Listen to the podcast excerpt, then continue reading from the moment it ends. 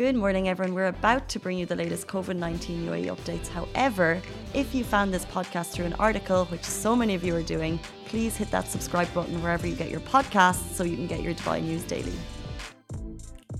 Good morning, Dubai. How are you doing? Happy Monday and welcome back to the Lovin Daily, where we talk about the big stories that everyone in Dubai is talking about. I'm sure you've been sitting up all night wondering why the gorilla and tiger were flying through Dubai Marina, and now we know. We'll also be talking about a checklist for students and parents as school is back in full force, uh, how you can kind of continue to follow guidelines. Also, we talk about the important visa where you shop matters campaign. But our first story is something that I think is going to be interest to a lot of travellers is passengers flying with Emirates from Dubai can get COVID tests from just 150 dirhams. This is pretty incredible. An update on the Emirates website, which you can see right now, announced special rates for Emirates passengers. So you can now get that COVID test for 150 dirham at American Hospital Dubai Media City Clinic, American Hospital Al Barsha Clinic, and also American Hospital Al Khawaneej Clinic, which is opening at the end of September. And another thing on top of that is that you can also get home or office testing from Emirates within Dubai for a minimum of two passengers, which is available at 250 dirham. It wasn't quite clear whether that's per person or for total. I'm assuming it's per person. Per person, right? I'm assuming it's per person. Coming all the way to your place. Yeah, it must be per person. But still, 250 dirham, um, which obviously is now the going rate for public tests in Dubai, is pretty fantastic knowing that Emirates will send someone to your home. Test results will be available, excuse me, within 48 hours. And on top of that, passengers, and just kind of some notes for you, passengers must take the test within the period required by your destination.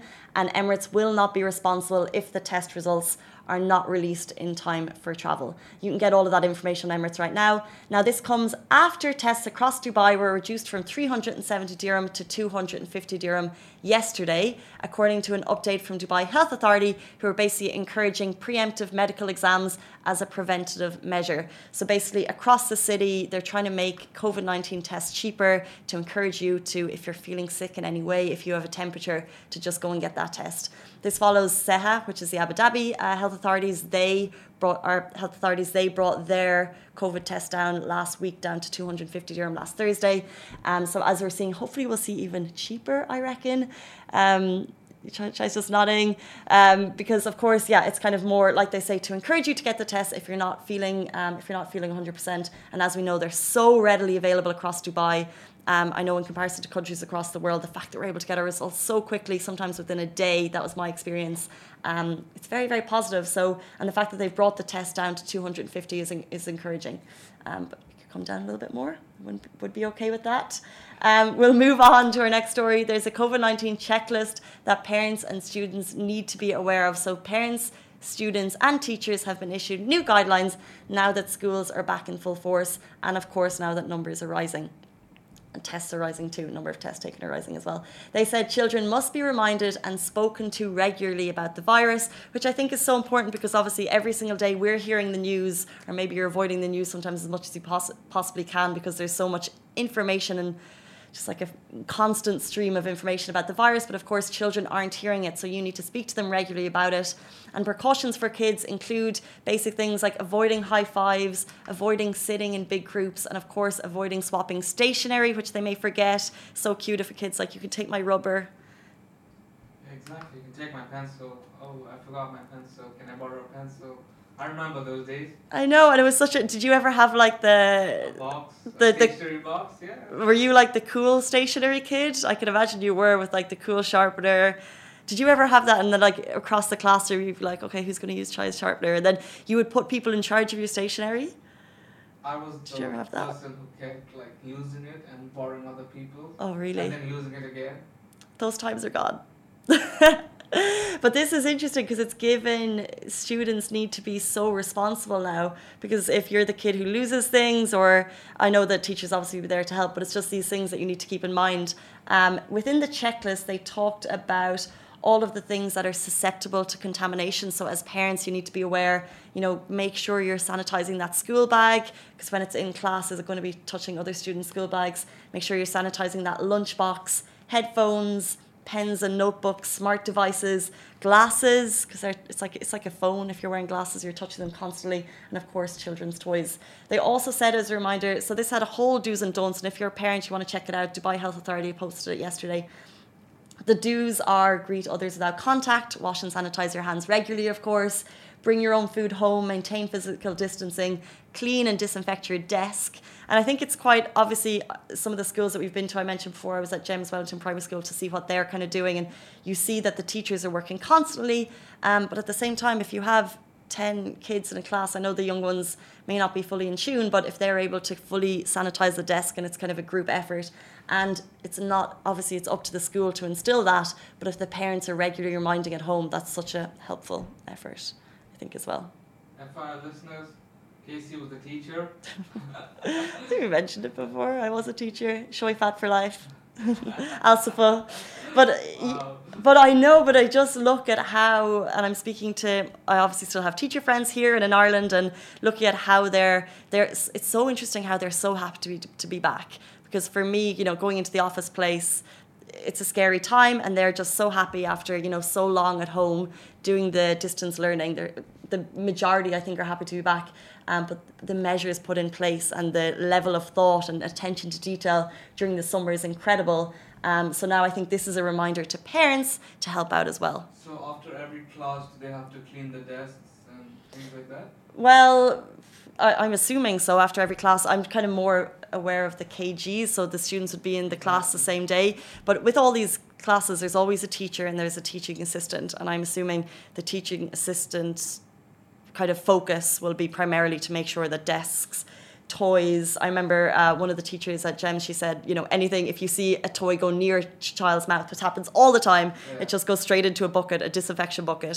So there's all these little things in place throughout the class now. They have sanitization at the door lots of little things um, and then kind of the don'ts touch your eyes nose or mouth with dirty hands like these are kids But like kids, like it's just natural.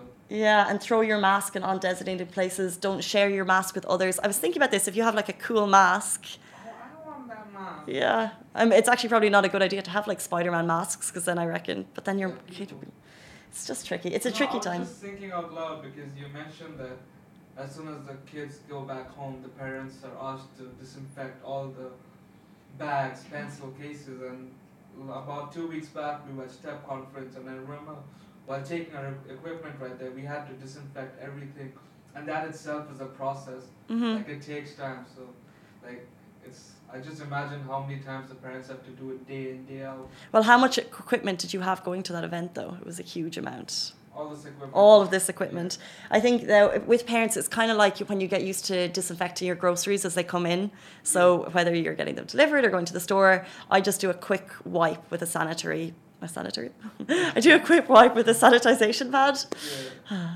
um, and that kind of does it. So I'm assuming it'll be the same with school bags. Obviously, you need to get into a process and routine of it. But um, good luck to all the parents going through that at the moment. Um, it's great to see that the kids are back at school, um, and I hope that it continues to be safe. We're going to take a short break. We'll be back with you after this message. Help us to support businesses affected by COVID 19 through our Lovin Business Bounce Back campaign and share your favourite businesses with us at hello at lovindubai.com or DM us on our Lovin channels Facebook, Insta, or Twitter.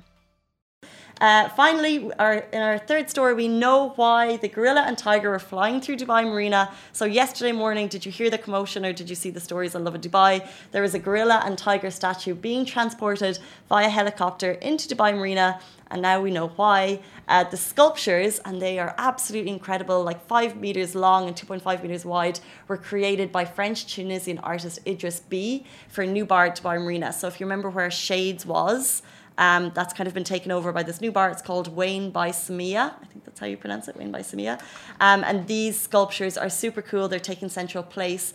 Um, if you check out his Instagram, he's kind of he's featured in some really cool places around Dubai. So you may have seen his work before um, at the Emirates Golf Club while the event was on rec- or pre-COVID Emirates Golf. What was the golf that was on? Boop.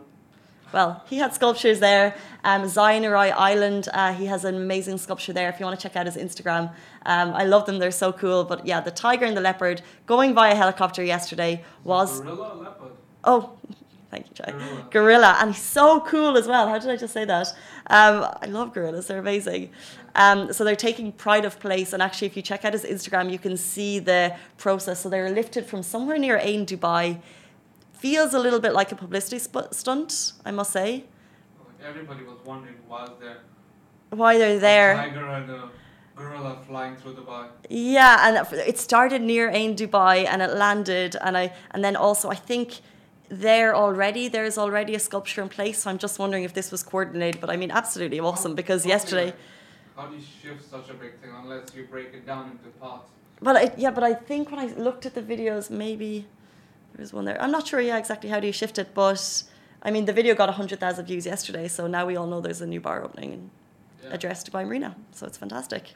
Great publicity. publicity stunt? It wasn't. Exactly. Moving on to more businesses we want to talk about, you can give shout outs to small businesses that you care about using the hashtag where you shop matters and we'll repost it. So this is a fantastic initiative by Visa. We've talked about it before, which is encouraging people around the world to think about the positive impact shopping local can have. Small businesses, as we know, have been feeling the effects of months with little to no business, and now more than ever they need our support. So to spread the word for a local business that you care about, all you need to do is take a picture, post it on your Instagram, use the hashtag where you shop matters, and we'll repost. So if you think about you know a business that you care about, whether it's every weekend you go to the same place to get croissants, every morning you go to the same place to get Coffee. coffee or you get fruit and veg in the same store. It doesn't have to be, there's no kind of uh, definition for what a small business is as long as it's not a massive chain. Just take any picture, uh, whatever is happening in the store, whatever it may be,